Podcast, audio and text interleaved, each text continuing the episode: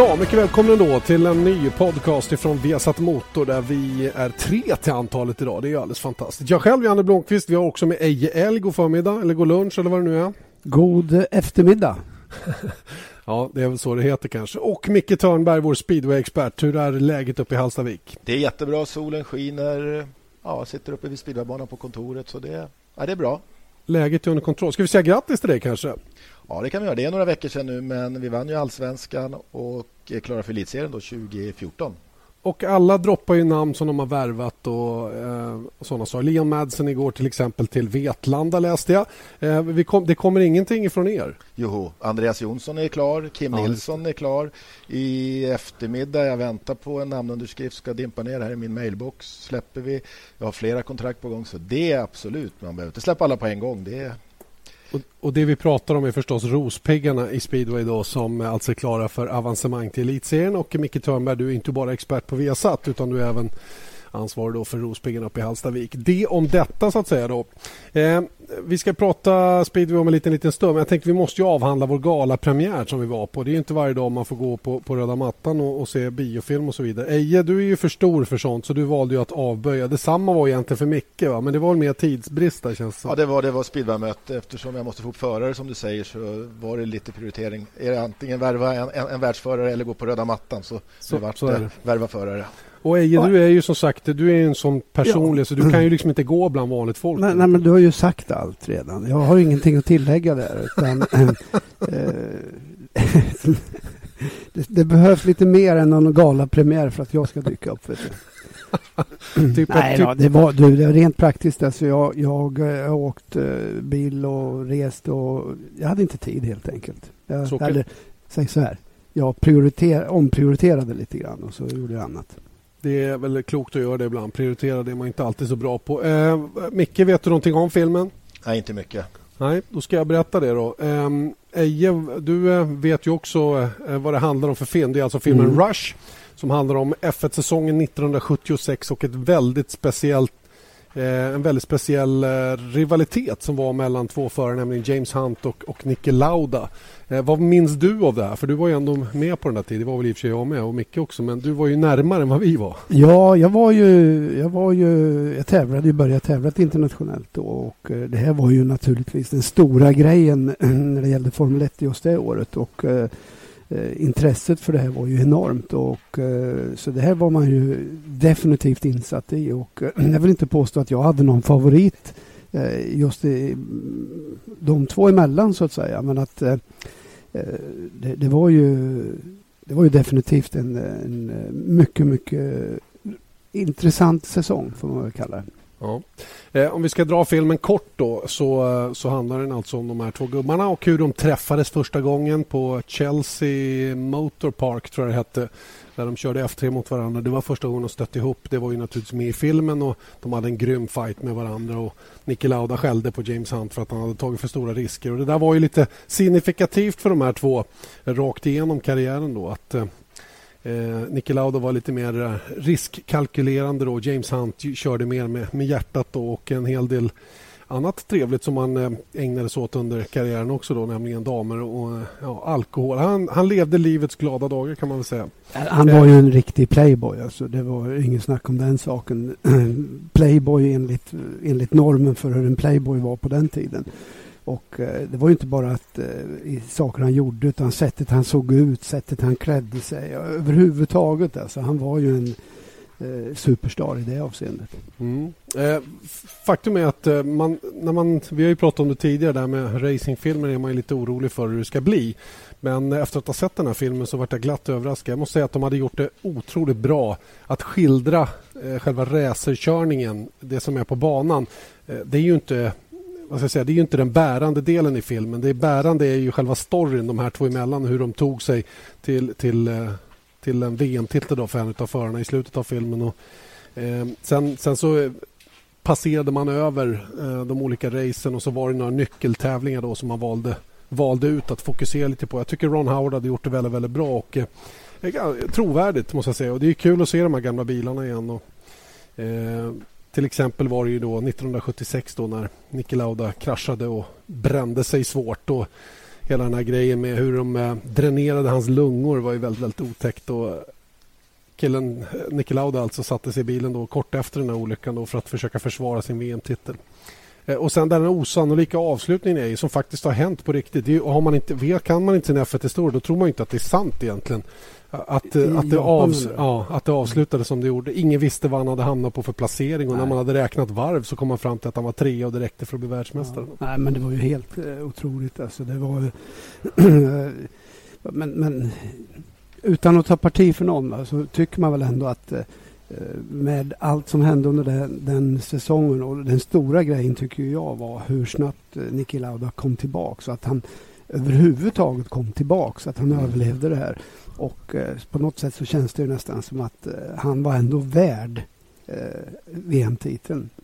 Ja, på något sätt lite moralisk vinnare. Men ja. jag tycker filmen speglade det här ganska väl också. Den, den, tog inte parti för varken den ena eller den andra föraren utan det här var verkligen en berättande historia om två killar som sen hyste den största respekt för varandra och, eh, och verkligen eh, uppskattade varandras prestationer på banan. Jag tycker det var fascinerande hur han hade lyckats fånga just den biten också. Då. Och den här avslutningen med Niki Lauda eh, som kommer tillbaka och så kör han återigen i regnet på Fuji och tycker att det är, det är för farligt. Han avbryter helt enkelt och, och hoppas att det ska räcka men vet ju att risken är väldigt stor då att han ska mista VM-titeln, vilket han till slut också gör. Mm. Den får, eh, tycker jag, utav mig den här filmen, fyra av fem. Jag sa tre av fem då när jag var där, men eh, jag har nog ändrat mig. Jag tycker det var, det var en fyra av fem. Mm. en sak som jag skulle vilja lägga till där. Jag har ju faktiskt eh, själv kört på, på just den där banan i regnväder och vet hur fruktansvärt lömsk den är och svårkörd och eh, dessutom totalt livsfarlig. Så att det gör ju att man hade ju man, jag har ju fullt förstående för att, att man behöver inte vara en vekring bara för att man viker ner sig där. Det, det kan jag tala om för dig. Så att eh, två väldigt, väldigt olika personligheter de här två herrarna och eh, det är kul att eh, de har lyckats gestalta det i filmen. Jag, jag kommer att se den självklart. Ja, de är ohyggligt bildlika också, både den som spelar James Hunt och den som spelar Nicky Lauda. Det måste jag säga. De har verkligen träffat rätt med utseendet och Eh, det jag undrar, jag känner inte Lauda så, om man är så där torr och tråkig som han, som han uppfattades i filmen då samtidigt som James Hunt då var väldigt romantisk och, och visserligen hängiven sin, sitt mål. Men ja, de var ju väldigt olika de här två, Janne. Och hur han var då, Niki Lauda, det vet inte jag egentligen. Men eh, jag tror att definitivt inte han är en torrboll om, om det är det eh, de försökte gestalta honom för då. Men det var ju så att när Niki Lauda etablerade sig internationellt och blev den han blev eh, så hade han lite dåligt rykte. Dels eh, som du säger, han var ju raka motsatsen till till eh, playboyen James Hunt då. Det var så lite grann som en racerförare skulle se ut på den tiden. så att, plus att dessutom så var han egentligen en av de där första som det blev riktigt Eh, ska säga, riktigt kännbart att, eh, att, eh, nu för, eller att, då, att man kunde köpa sig framgång. Mm. För han hade just jättestora sponsorer med sig och i praktiken köpte F3, F2, F1, hela den biten. Va. Sen så i vanlig ordning så var det hans sätt att etablera sig på. Och sen så fick han ju de pengarna tillbaka med, med, med råge. Mm. Men, men det var lite skillnad för James Hunt var ju lite annorlunda i filmen berättas det att han helt enkelt går och tar ett banklån. Han blir förskjuten av sin familj och går och tar ett banklån då och köper sig en plats. Eh, och eh, gör det hos BRM då, där han började med att bygga om bilen och se till att den blev konkurrenskraftig. Och där var han teamkamrat med eh, Clay Regazzoni. Clay Regazzoni som sen tog med Lauda till Ferrari eftersom han visste att Lauda var, uppfattar jag det som en väldigt skicklig förare då som kunde hjälpa även Regasori fram. Då. Mm. Hur, hur, som helst, vi ska inte prata ihjäl den här filmen. Den, den var bra. Helt, helt okej okay film. Alltså. Den, den ska man definitivt se om man har något form av motorintresse. Och, och, och eh, faktum är att den, den funkar även för den som inte eh, gillar F1 heller. Det är, det är en bra spelfilm kort och gott. Och det är ju som sagt en sann historia även om den är tweakad lite här och lite där. Eh, vi, vi en, oj, min hund står och gnäller. Han vill också vara med i vår podcast idag. Hur som helst. Eh, tweakade historier och sanna eller inte. Det är närmast något liknande som har pågått i speedwayvärlden här på slutet och framförallt avgörandet av den polska ligan, Micke Törnberg, som eh, ja, det blir en helt osannolik avslutning på det. Ja, det var det. Det var, det var inget roligt alls. Vi sände ju den matchen. Det var ju Torun Silonagora som eh, möttes då i den andra finalen i Silonagora. Och Torun hade tre poängs övertag efter den första matchen. Sen vägrade touren köra i Solna Det satt 18 000 på läktaren. Det var fullt. Det var folk som ville komma in. Man vägrade köra helt enkelt. Man hade fått order uppifrån. Killarna var på plats. Men eh, en av de största ägarna i klubben, eh, nej, det skulle inte köras. Man hade fått Thomas Gollob skadad dagen innan då på Friends Arena. Och det var väl det som var skälet. Han ville flytta matchen. Och det vägrar de ju gå med på. Eh, skador inom speedwayen, det är ju, ja, det är vardagsmat. Så sånt händer ju. Och det är väl otur för dem att de fick en av de bästa förarna skadade. Men man hade ju fullt lag, men man vägrade helt enkelt. Så man besiktade inte in. Och det var rena lynchstämningen. Jag har fått mycket rapporter av Andreas Jonsson som kör i Solna Och sen kunde vi följa då på, på TV10 eh, hur det var. Och de fick ju då sina guldmedaljer utan att behöva köra meter i Solna men, men eh, ja, det är ju fullständigt oacceptabelt att arbeta på det sättet naturligtvis. Att bara vägra att köra. Tre poängs övertag hade Torun inför den här matchen i Solona Gora. Hur ratear du Toruns chanser oavsett om Golub hade varit med eller inte? Eh, väldigt små. Solona Gora är väldigt starka hemma. Man har eh, Jaroslav Hampel, Patrik Dudek, Andreas Jonsson. Man har ett väldigt komplett lag. Så det skulle varit mycket till om eh, Torun skulle kunna rubba Solona Gårda. Det var helt klart fördel även då om de hade kommit med Golob. Vilket naturligtvis är till grund för det här beslutet som man tog. Man försökte ju på något sätt gripa sista halmstrået där. Ja, och Golob är ju långtidsskadad så han hade ju inte varit frisk om han hade skjutit på matchen någon vecka. Man pratar om att Golob kan bli borta ja, fyra, fem månader.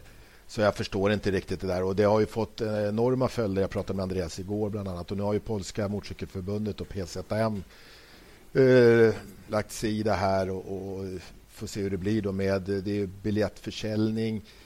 Ja, det är jättemycket saker. Man pratar om att tvångsdegradera touren då till lägsta divisionen och böterna är inte fastställda än. Så, ja, det, det är väldigt eh, mycket som händer där nere nu fördomarna man har om polsk... pol, polsk jag vet inte vad jag ska säga. Jag har inga fördomar om polacker som sådana men eh, uttrycket polsk riksdag finns ju och att det kan vara ganska rörigt emellanåt och det får man ju definitivt då eh, så att säga besannat. Say hello to a new era of mental health care. Cerebral is here to help you achieve your mental wellness goals with professional therapy and medication management support. 100% online.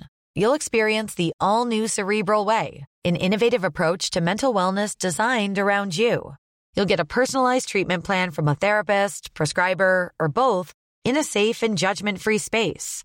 Your cerebral therapist or prescriber will outline a customized plan with clear milestones along the way so you can get to feeling your best. With Cerebral, you're not alone in your mental health journey. We're here to empower you to live a fulfilling life. So take that first step towards a brighter future and sign up today at cerebral.com slash podcast and use code ACasts to get 15% off your first month. Offer only valid on monthly plans. Other exclusions may apply. Offer ends July 31st, 2024. See site for details. När man hör en sån här historia då, hur, hur, ser du på det? Du har väl varit med om det mesta borta i, i Polen? Ja, jag har ju varit mycket där nere på Spira, både kört själv och jag har ju varit med ja, alla olika positioner tänkte jag säga där nere. Och, ja, det är ju rörigt och det är ett helt annat tänk i klimat. Det är det. Och är det någon förare som kör dåligt, ja då är det ju Ja, då tror de nästan att de är köpta utan motståndare. Det finns ingenting. Man ska vinna till varje pris och det ska bara must, must, must win, must. Och, mm. ja, det, det, är mycket knepiga saker och, och ja, många är köpta. Nu har jag hört det senaste man har såna bandomar, då, en neutral bandomare då, som ska se till då att banan ska vara så neutral som möjligt så att inte hemmalaget preparerar banan på ett speciellt vis. Men mm. det har ju förekommit att banorna har ju varit väldigt speciellt preparerade och då är de ju köpta tror de. Och, äh, det, det är speciellt. Speedway är stort där nere, det är den största sporten och det mm. ligger ju mellan 15-20 000 på de här seriematcherna. Det är ju större än fotboll. Ja, det är den största sporten mm. publikmässigt och ja, det medför väl vissa saker också. När det gäller korruption så brukar man ju säga att eh, som man känner andra känner man sig själv. Alltså, om man då anklagar andra för att bli köpta då vet man ju naturligtvis att det förekommer att man kanske har varit med om det själv. Ja, det finns ju historier tillbaka att det ska vara vissa förare eh, som då skulle vara köpta men det har väl inte kommit fram så mycket bevis. Det var väl någon historia för tre, fyra år sedan han matte i färgen, ja, han finns ju inte i livet längre nu. Eh, och han, han berättade väl hur det var, att han hade blivit erbjuden pengar men han var ju så pass ärlig så han tog, tog upp det där. Mm. Att det var något motståndarlag som i slutspel. Right. Silona Gora tog alltså titeln på walkover, vilket är fullständig skandal naturligtvis. Då. Och, eh, eh det är kul för Silona Gora att vinna titeln, men att vinna på det sättet är det ju ingen som har några...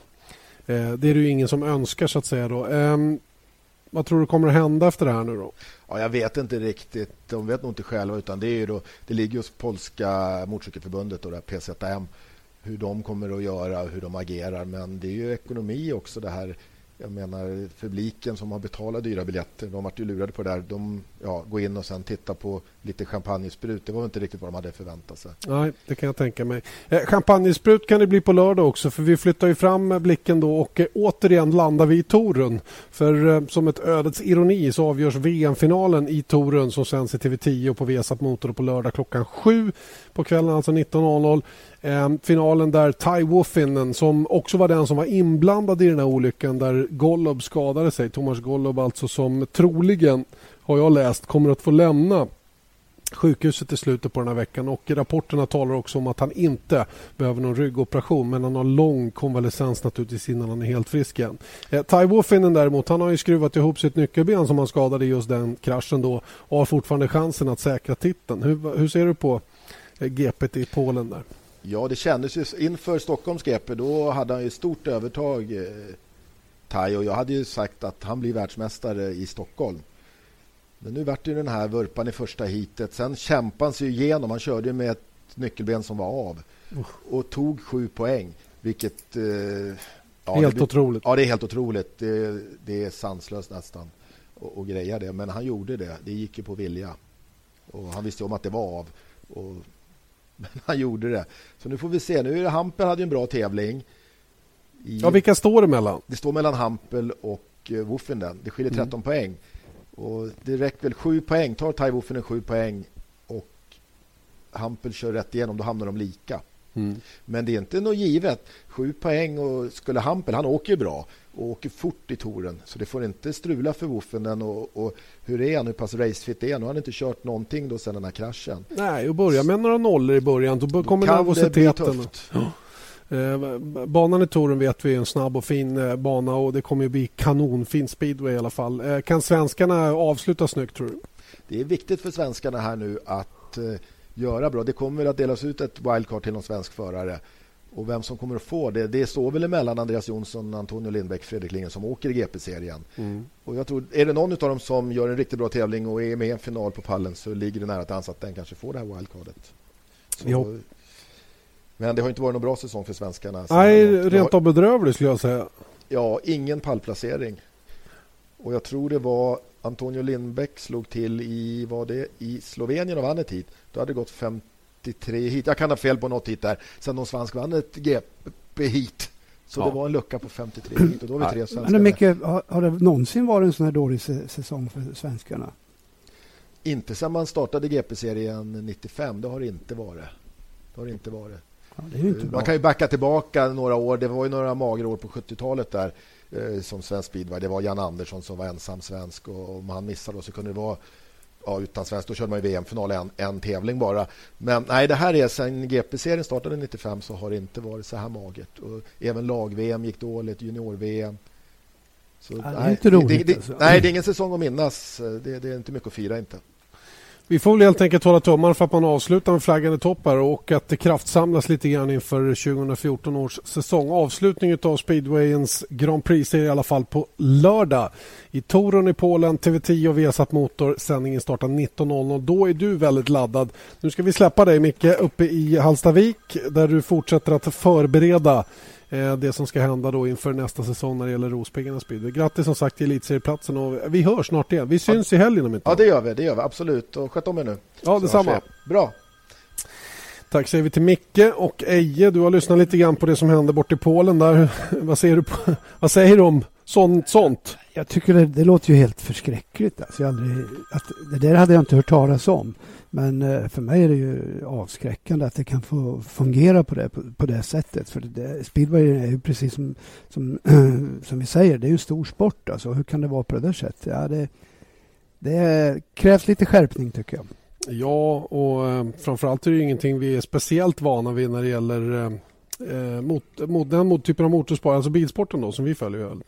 Nej, absolut inte. Jag menar, det har väl varit någon gång där, där det varit strejker beroende på säkerhetsmässiga, eller på säkerhetsmässiga grunder. Va? Men eh, då, det är ju ett fåtal gånger. Men en, en sån här grej som eh, så uppenbarligen eh, ja, det, det, luktar ju bara mygel egentligen, tycker jag. Mm, visst är det så. Nåväl, vi lämnar den grejen. Speedwayen har vi pratat färdigt om. Roligare då att titta lite framåt. Eller först ska vi titta lite i backspegeln. Vi ska prata lite Formel 3. Eh, jag vet att F3 ligger dig nära om hjärtat. Du gillar den kategorin av racing och du vet att jag vet att du tycker att det är där, det är där man eh, liksom på något sätt eh, börjar sållningen av talanger som sen ska bli riktigt stora stjärnor. Och just nu så går det ganska bra då för Felix Rosenqvist. Visserligen lite upp och ner den här säsongen va? men två helger den här säsongen har han tagit full poäng. Senast nu på Sandfort, han gjorde det också på Red Bull Ring. Det är ju fantastiskt. Nu vann han visserligen inte ett av racen här på Sandfort eftersom eh, Daniel Kveto som gästförare tog segern i det första men han fick full pott för det i alla fall. Och eh, nu är han bara 9,5 poäng bakom igen. Det såg nästan hopplöst ut läget bakom Raffaele Marcello inför den här tävlingshelgen på Sandfort. Nu är det två helger kvar, Hockenheim och eh, Vallelunga. Eh, och eh, han är ju definitivt med i matcherna. Men han har, han har liksom inte råd med någon sån här dipp igen utan nu känns det som att han behöver ligga på samma nivå som Marcello. Mm, jag vet inte riktigt varför de här dipparna har kommit ibland. Va? Men eh, Formel 3, precis som du säger, det är en, en, en klass eller en kategori som ligger mig varmt om hjärtat. Eh, jag vet att, eh, att det fostrar förarna på ett oerhört bra sätt. Och faktum är att det är ingen annan klass som egentligen har kommit upp i, på samma nivå, att, som går att jämföra. Så jag tycker att eh, Formel 3 är definitivt rätt klass för Felix att vara i. Mm. Sen som sagt var, Eh, han har ju imponerat stort eh, vid flertal till, tillfällen. Han har dessutom eh, haft de här dipparna och det får ju inte förekomma naturligtvis om man ska vinna. Men jag ser ju, han har ju jättestora möjligheter. Dels har han mycket rutin i Formel 3, ska vi inte glömma bort. Så att eh, jag tror inte att det kommer att han, han eh, eh, jag tror inte det kommer att bero, bero på honom om han inte skulle klara av att vinna utan det är ju snarare då att teamet kanske inte får till bilen riktigt, eh, teamet och han rättare sagt, får till bilen i de återstående tävlingarna. Och det är bra gubbar han racear med. Så att, eh, en helt öppen historia men eh, eh en lyckad säsong för Felix helt klart. Verkligen, och oavsett om man vinner eller blir tvåa i årets mästerskap för det känns som att det är bara de två placeringarna det kan bli nu då eh, utifrån hur det sett ut eh, runt omkring och bakom och så vidare så, så, eh, så är det en lyckad säsong oavsett. Ehm, Raffaele Marcello tillhör ju Ferraris Young Driver Academy. Felix tillhör väl inte någonting egentligen även om vi vet att han har rätt så... Han har bra kontakt i alla fall med Mercedes. Ehm, um, vad, vad, skulle en seger i mästerskapet betyda enligt dig då som, är, som lyssnar runt lite grann på förarmarknaden och sådana grejer just nu? Hörru du, eh, det är väl så här att eh, idag så som Formel 1 ser ut idag med begränsade eh, testmöjligheter och begränsade möjligheter för, för unga förare att växa in i det så att säga eftersom det inte går att testa. Så är det ju så att det har visat sig att tillhöra Formel 1-teamens juniorprogram är kanske den rätta vägen att gå. Men oavsett nu hur hur Felix position ser ut i Mercedes juniorprogram, för det vet vi inte riktigt eh, så kan man väl konstatera en sak att om vi jämför Ferrari, Red Bull, eh, Mercedes och, och, några till där. Så Mercedes har inte den där ska vi säga, verkliga inriktningen på att, att uh, få killarna in i Formel 1 utan det känns ju mer som att det, det finns ju hur många som helst. Roberto Meri, uh, Vittoris och ja, hur Junkadeja. många som helst. Junkadeja. De går till DTM. Mm. Det, det, det, är liksom det som juniorprogrammet är inriktat på. Mm. Och det talar väl kanske då för att eh, eh, det, det, skulle ju kunna bli den vägen även för Felix och det är ju absolut ingenting att, eh, att se ner på, tvärsom. Men det är ju bara han själv som kan svara på vad, vad, vad hans slutliga ambition går ut på. Är det Formel 1 han vill till, ja då, eh, då eh, Visst, DTM är väl ett, en grej, va? men eh, jag skulle nog snarare vilja se honom då i Renault World Series eller GP2. Mm. Eh, han är ju lite förbigången här ett par, par säsonger faktiskt. Han har ju varit eh, bra med både Euroseries och här i EM nu då när det gäller Formel 3. Och senast var det ju som sagt Jon Kadeja då som fick kliva upp. Hans teamkamrat fick också kliva upp eh, när Ralf Schumacher bestäms för att lägga av och eh, på, på, på, kort varsel så, så lyfter man upp Pascal Wehrlein istället då. Där mm. tycker jag kanske att Felix hade varit klar redan för den platsen. Och, eh, det känns som om man vinner årets mästerskap då kan de liksom inte bortse ifrån honom längre. Nej, och det är ju, de har ju, tycker jag, ganska stor omsättning på de yngre förmågorna även där i DTM. Så att, eh, rimligtvis så borde det vara Felix tur eh, att gå den vägen. Men frågan är ju då eh, Visst, vi har ju sett något enstaka exempel som har gått via DTM till Formel 1. Jag tänker på Paul di Resta. Men, men eh, eh, det är ju inte, det är inte den naturliga vägen att komma till Formel 1. Det kan vi väl i alla fall vara överens om. Mm. Sen tycker jag att, eh, att eh, man ska inte se ner på DTM, för DTM det är ju verkligen professionella killar som kör och otroligt duktigt, dukt, starkt startfält. Va? Eh, så att det är ju en, en karriär i sig. Och, och det är bara att titta på Mattias Ekström. Han, han har ju levt väldigt gott på det där länge. Mm. Ekström som för övrigt nu ska åka Bathurst 1000 jag tror jag, Bathurst 1000 mm. Eh, tillsammans med en BMW-kollega i DTN, nämligen Andy Prio. Jag såg lite bilder från deras seatfitting som de höll på med här just idag för övrigt. Vad ska de köra för bil? Eh, de ska köra en Holden. Okay.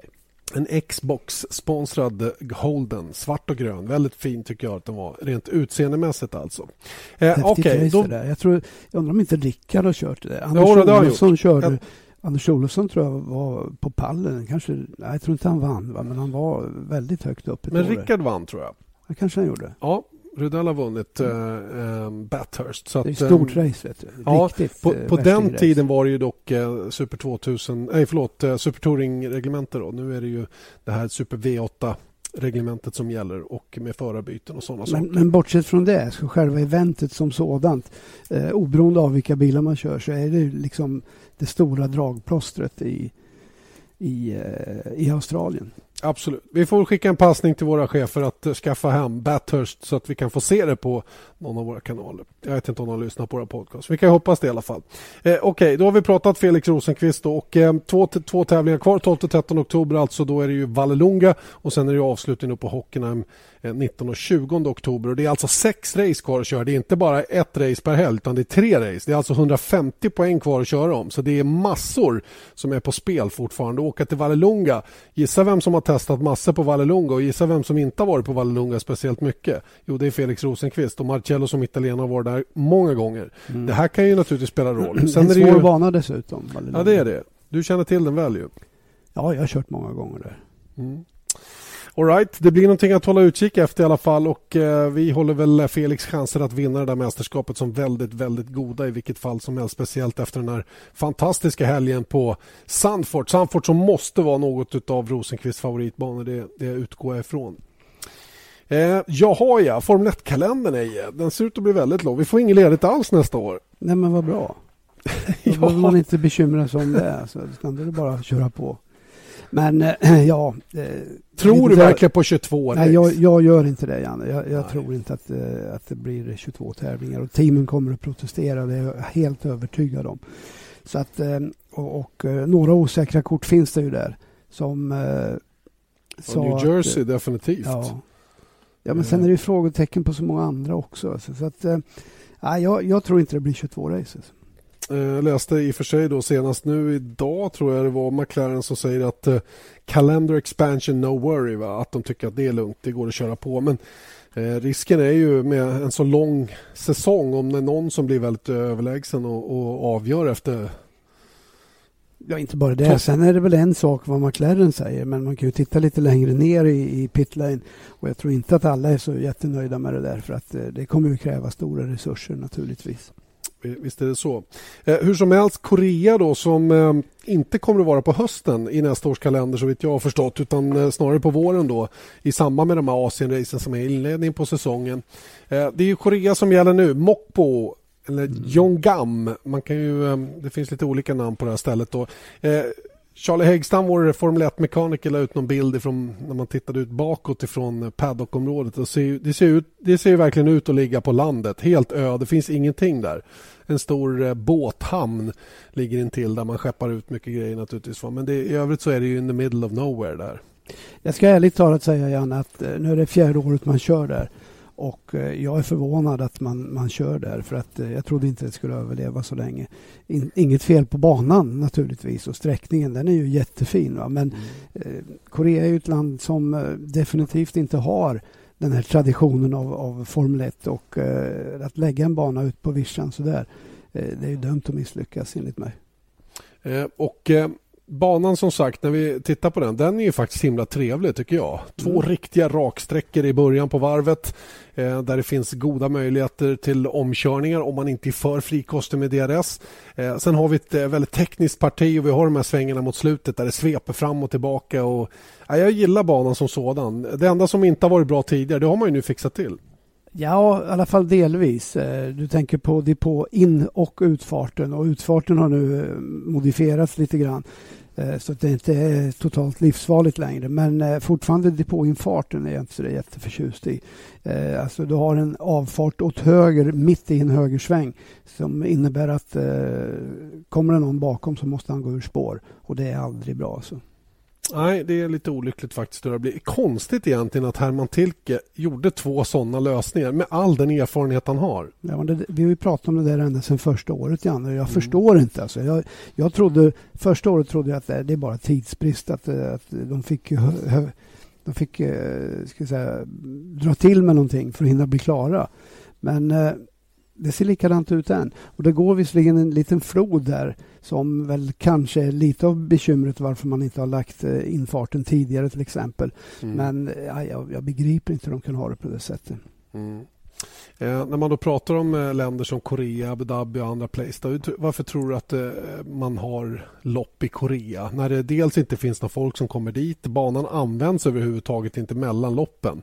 Det måste ju vara en sån minusaffär så det går inte ens att begripa. Det är ju en missräkning definitivt. Va? När det gäller Abu Dhabi, ja, då är det ju bara att de vill vara värre än eh, än Qatar och Dubai och Bahrain och det där. Och det, det, blev de ju för vilken bana de har byggt. Det är mm. helt ofattbart. Där har man visserligen Dels är det närmare till Europa och eh, eh folk åker från Europa åker dit och testar och så vidare. Och där har man ganska mycket verksamhet. Likaså mm. i Bahrain eh, finns det en hel del verksamhet. Men Korea, ja hörru du.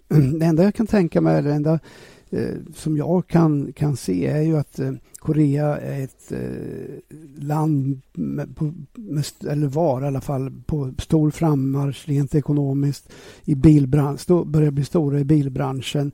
Eh, attraherade en del sponsorship från koreanska företag och så vidare. Så man försökte nog helt enkelt, eller man kanske missräknade sig lite grann. Man ville etablera Formel 1 där, men jag tror att det är väldigt, väldigt svårt att eh, att göra på kort tid. I alla fall i ett land där inte de här gamla fina traditionerna finns. Nej, vem, vem passar den här banan då? Det är väl eh, svårt att inte säga Red Bull. Han har vunnit de två senaste åren och han mm. bröt ifrån ledning det första året man kör där. Jag mm. menar, killen har ju varit eh, tämligen stark här i Korea. Och det känns som att den här banan passar Red Bull och Sebastian Vettel väldigt väl. Och med tanke på formen han visade i Singapore så finns det väl anledning att tro att han är favorit den här helgen också. Även eh, Mark Webber var ju snabb förra året. Kom två, åtta sekunder bakom Vettel, men han hade ju faktiskt pool. Så mm. att, eh, nej, men det är klart att det är Red Bull-bana, men vad är det som inte är Red Bull-bana idag? De exakt. är ruskigt starka just nu och mm. eh, någon teammanager, vem det nu var, eller teamägare, sa ju att eh, de kan vinna alla race som är kvar. Mm. Ja, den risken, chansen finns ju beroende på hur man ser på det. Mm. Eh, någon gammal teamchef anklagade dem för att använda traction control också. Vad säger du om sånt då? Ja, hörru du.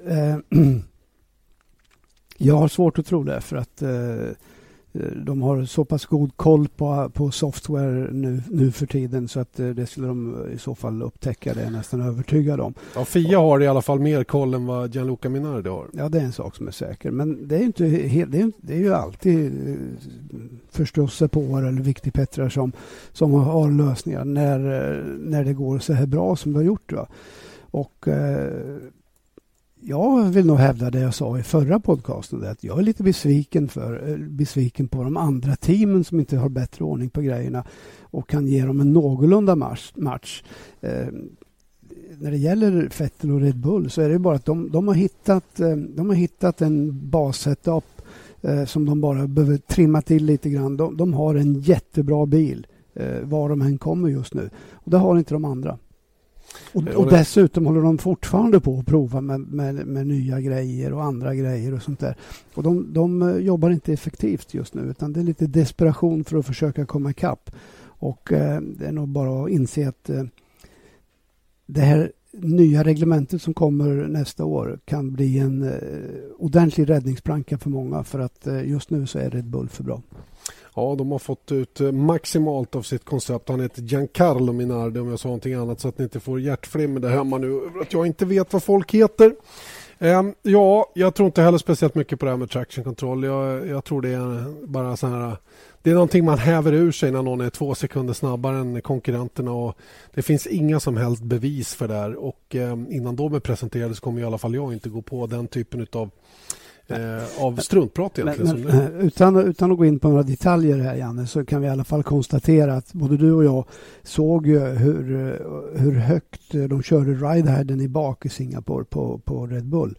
Mm. Och eh, det enda förklaringen till det, det är att man alltså lyckats stänga till sidorna på, på diffusern på ett väldigt effektivt sätt med avgaser eller med att leda luften under eller på sidan av bilen. Och eh, lyckas eh, se till att få en o, oerhört bra aerodynamik och bra downforce i bak. Och vi såg ju hur grymt snabb eh, eller bra bilen uppförde sig i riktningsförändringar. Hur tidigt han hade vinklat om, hur tidigt han kunde gå på gasen och så vidare. Mm. Så att eh, helt överlägsna. Och sen är det väl så här att eh, Red Bull har väl fått, fått ordning på någonting eller fått det att funka ihop med resten av konceptet där med den här um, passiva eh, ride control eller vad man ska kalla det då. Där man, ni vet att Mercedes hade någonting, ett, ett länkat system mellan bak och fram och även i roll. Eh, och där har ju Red Bull också fått ordning på saker till. Jag såg till och med att Caterham har ett system som de använder för kontakt mellan bak och mm. framfjädring. Och, och alla har jobbat med Alla jobbar ju med det. så att säga. Så att, och har man då redan tidigare ett bra koncept, vilket Red Bull har, då, då ser det ut på det här viset.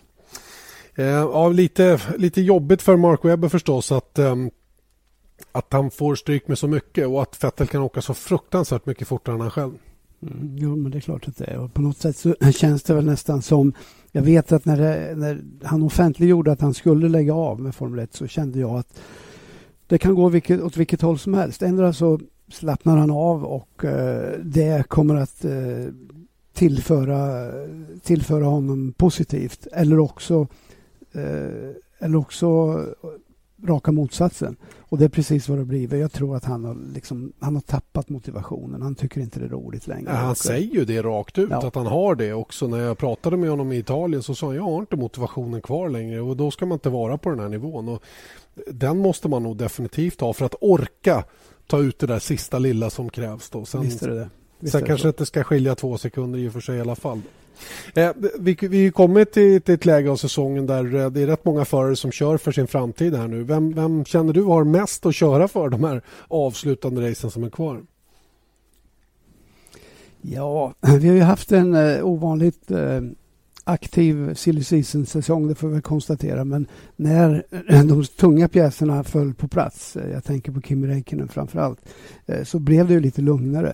Nu eh, är det, verkar det inte som att någon har så där jättebråttom och det dyker ju upp eh, lite oväntade grejer. Till exempel så verkar det som att Massa Eh, som jag definitivt trodde skulle vara borta från Formel 1. Men det känns ju nästan som att att eh, han, han kommer att försöka bita sig fast. Va? Det finns intressen som eh, vill försäkra sig om, om att eh, det fortfarande är en brasilianare i Formel 1 och så vidare. Så att eh, han, eh, han kanske är med på den där spelbrickan fortfarande. Och sen har vi Nico Hülkenberg, men han han kan ju inte göra så mycket mer än, än vad han gör så att säga och eh, invänta att eh, sakerna ska falla på plats och eh, var han hamnar det vet inte jag. Men eh, men eh, Pere, eh, Sergio Perez, eh, han tycker jag nog ska... Eh, han är väl någon som verkligen behöver göra någonting på slutet här för att det ska eh, ja, för att det ska, han ska fortsätta att ha förtroendet hos McLaren till att börja med.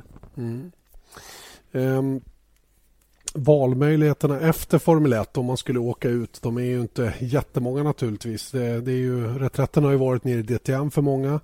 Eh, I övrigt så har man ju hamnat i, i sportvagnar då, som är ett annat ställe då man hamnar i ett bra team så att säga. Då, typ Mark Webber då, som kliver på en femårssatsning med Porsche då i LMP1 och ska försöka vinna Le Mans. Det är ju ett, det är ju ett jättebra sidosteg i karriären så att säga. Då. I övrigt så har vi några exempel på killar som bara försvinner ut. Jag tänker på eh, Christian Klin. Vad gör han idag?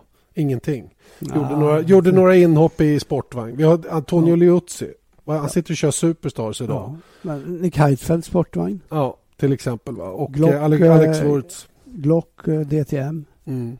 Men, men bortsett från de här stora, men det finns ju några som bara, bara försvinner ut. Alex Jong såg vi nere i depån i Singapore, satt i Minardi. Han, mm. han, jag vet inte om han gör någonting. Liksom, det är klart att någonting gör det väl, men, men det är ju inga högprofilerade serier.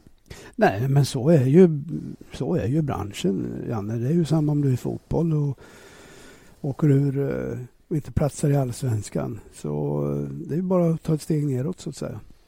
Eh, är man, hur mycket pengar tjänar man om man inte är toppgubbe? så att säga? Tjänar man några pengar? Är man, klarar man sig några år? Ja, gud ja. Jag menar, vad pratar, pratar om F1 nu? Eller? Ja, till exempel. Ja, det klarar man sig. Ta, vi tar ett bra exempel. Här. Vi tänker oss... Eh, ja, vem ska vi ta? Som ändå är någorlunda etablerad då, men som, som inte är någon toppgubbe. Så Sutil. Ja, du menar klarar sig på insparade ja, pengar? Eller? Ja, men lite sådär. Lever han gott på att köra F1? Eller får ja, han det gör, upp ja, ja, det är klart han lever gott. Men, men det är ju så att ett, ett, ett, eh, en körning i Formel 1 det är ju inte någonting som du gör, gör på helgerna utan det är ju ett liv. Det är ju 365 dagar om året. Alltså, det är ju ständigt, ständigt... Eh, ja, det är ett sätt att leva. Så att eh, du, du kan ju liksom inte... Eh, och, och pengarna som du tjänar, de, de eh, de återinvesterar du i, i, i dig själv i stort sett. Alltså det, är, det är väldigt få som kan lägga jättestora pengar på hög. Va? Men säg en sån som Sutil, jag gissar att eh, när, när han räknar ihop allting efter året så har han väl några miljoner kvar. Men, men det kostar ju att det kostar ju att leva också. Kostar att ligga på topp brukar de säga. Ja. Eh, en annan kille då som eh, får chansen nu då att visa sig lite grann extra på styva linan det är ju Romain Grosjean nu då när Kimi Räikkönen dels är lite halvskadad och ont i ryggen någonting han försöker att eh, ta hand om så gott det går under träningarna nu i Korea och vi vet att han hade väldigt, väldigt ont senast i, i Singapore och det, det kan ju säkert bli så illa att han inte kanske kör någon tävling till och med mot slutet för att vara i så bra form som möjligt till nästa säsong när han byter till Ferrari. Eh, Grosjean, eh, som jag tyckte tog, eh, tog chansen senast i Singapore, såg väldigt, väldigt stark ut. Hade ju bara oflyt med, med luften där som eh, läckte ur hans bil. Mm. Riktigt, ja. Nej, men han, han, jag har egentligen väntat på det här, Janne. Jag har sett hans kvaliteter tidigt och eh, han har det grundläggande. Han är riktigt, riktigt snabb. Sen att det var lite, lite eh, oslipat här och där och att det blev lite missöden. Eh, men det var bara frågan om, om att överleva den tiden, så att säga. Han tror jag definitivt definitivt är etablerad i Formel 1 och han kommer att göra bra resultat. Sen är väl den stora frågan eh, då. Vad händer med Lotus egentligen? För enligt mm. mitt sätt att se det så, så har de tappat sin absolut mest värdefulla tillgång. tillgång. Mm. Och det är Kimi Räikkönen.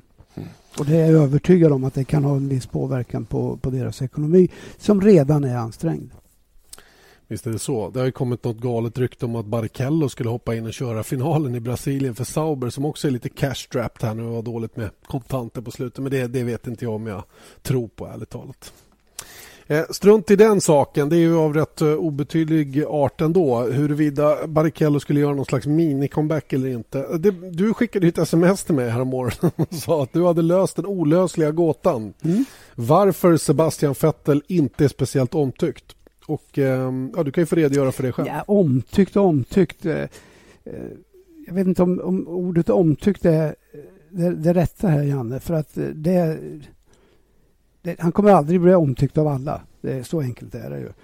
Och speciellt inte de som, som älskar Kimi Räikkönen och så vidare, eller Alonso. Så att, men vad jag menar är att jag tänker mer på att, att uh, går man runt i depån eller i mediacentret eller var som helst, uh, pratar med team eller teammedlemmar från team, så är det ju faktiskt så att ingen har egentligen fullt godkänt att han är en av de, de här bästa. Utan, och du säger ju det själv, Janne, att när vi gjorde mm. en enkät bland, mm. bland team, eh, teampersonal där, mm. eller teamägare eller vad det nu var, mm. eh, så, de ratear inte honom högre än, än Kimi Räikkönen, än, än uh, Alonso och så vidare. Och pojken bara går ut och vinner och vinner och vinner. Kommer förmodligen att vinna sitt fjärde ra, raka VM här. Mm och ändå inte har den, det erkännandet. Det är ju det som är lite unikt. Va? Mm, och det var då jag kom på liknande det var då jag menade att drog den här liknelsen med eh, Messi, fotbollsspelaren Messi i Barcelona. Som egentligen bara har varit riktigt stark och stor där och anses vara världens bästa. Men eh, under speciella förhållanden. Han har blivit alltså formad i en mall efter, efter, efter, genom Barcelona själva och man har stoppat in honom i ett, i ett eh, paket där han all, allting liksom bara förs fram framför hans fötter i stort sett. Mm. Så att det blir inte samma värde som, som, eller det blir inte samma intresse i alla fall. Så att eh, jag, jag tycker att liknelsen var ganska bra. Ja, men det, det, kan jag hålla med om och, och som jag skrev på min blogg. Det var ett väldigt pådrag i alla fall. Det var många som tyckte många saker både på vår Facebook och på min blogg om, om just den här saken. Och helt klart är det så att eh, Sebastian Vettel berör. Sen har många väldigt märkliga uppfattningar om hur han är som person. Jag vet inte om det är någon som vet hur han är som person som, som har skrivit åtminstone på min blogg i kommentarsfältet utan det är ju vad man ser offentligt så att säga och det är det man bildar sin uppfattning av. Och, ja, är, för mig får han vara precis hur han vill som person. Ja. För jag menar, för, för, han representerar i mina ögon en Formel 1-förare och en Formel 1-förare ska utföra saker på ett speciellt sätt för att, eh, för att, eh, för att vinna och för att bli populär och bli erkänd. Det, så, så är det. Sen hur han är hemma hemma i köket. Det är inte min sak, tycker jag. Nej, och när det gäller att vara racerförare så gör han det uppenbarligen ganska bra. Ja, verkligen. Bättre än någon annan. Och eh, Vi kan jämföra med Michael Schumacher då, som eh, vid samma ålder hade två VM-titlar och 19 Grand Prix-segrar. 10 pole position. Vettel vid samma ålder tre VM-titlar, 33 GP-vinster och 41 pole position. Jag säger inte att det här är någon rak och relevant jämförelse på det viset men det visar en del om att vad han har åstadkommit under rätt kort tid ändå, den gode Sebastian Vettel. Sen får mm. folk tycka vad man vill om honom naturligtvis. Det är upp till var och en. Och då kommer ju den här stora frågan också, Jan, in i, i bilden här. Hur stor del av hela det här har han varit att skapa den här förutsättningen hos Red Bull där han och, och bilen och ingenjörerna Eh, är, är i praktiken oslagbara. Mm. Eh, vi vet ju att eh, Michael Schumacher var en väldigt viktig faktor i, i att Ferrari kom tillbaka och blev så bra som de var. Men han var ju långt ifrån ensam. För han hade ju en stab av, av de allra bästa där. Men vi har pratat om det här tusentals gånger. Det är det här som krävs om du ska bli flerfaldig världsmästare. Absolut, absolut. Det, det, går liksom inte att komma runt det. Den som tror att det går, finns några andra genvägar, att du bara på på ren talang och speed nej, skulle kunna nej, bli nej, världsmästare fem gånger. Det finns inte. Det, och, det, och det kan jag tycka är lite... Det, är ju, det, blir, det gör ju inte saker och ting roligare naturligtvis. Men så här är det. Det är ja, bara att konstatera. Det. Menar, det, Janne, det finns så många gubbar i Formel 1 som är eh, precis tillräckligt bra för att eh, rent förarmässigt, förartekniskt kunna utföra exakt samma sak som Sebastian Vettel gör. Mm. Eh, och eh, framför allt så kanske det inte skiljer mer än hundradelar på ett varv mellan 10-15 eh, killar i Formel 1 idag i likvärdigt material eller ett material som passar deras körstil och så mm, vidare. Mm. Mm. Så att det är ju helt andra saker som styr det här. Du, jag ska säga det, i den här filmen Rush mm. så sa Nicke Lauda det väldigt, väldigt bra. Det är en sak att köra fort, så, men det krävs mer. Det krävs mm. mer. Det kräver, det kräver bilkunskap. Det kräver hantera saker och ting runt omkring. Det, det kräver att du ser till att få de förutsättningar som, som behövs för att vinna. Det, det, du måste vara om kring det. Annars blir du bara världsmästare en gång. Mm. Om det går väl en säsong. Men inte fler gånger.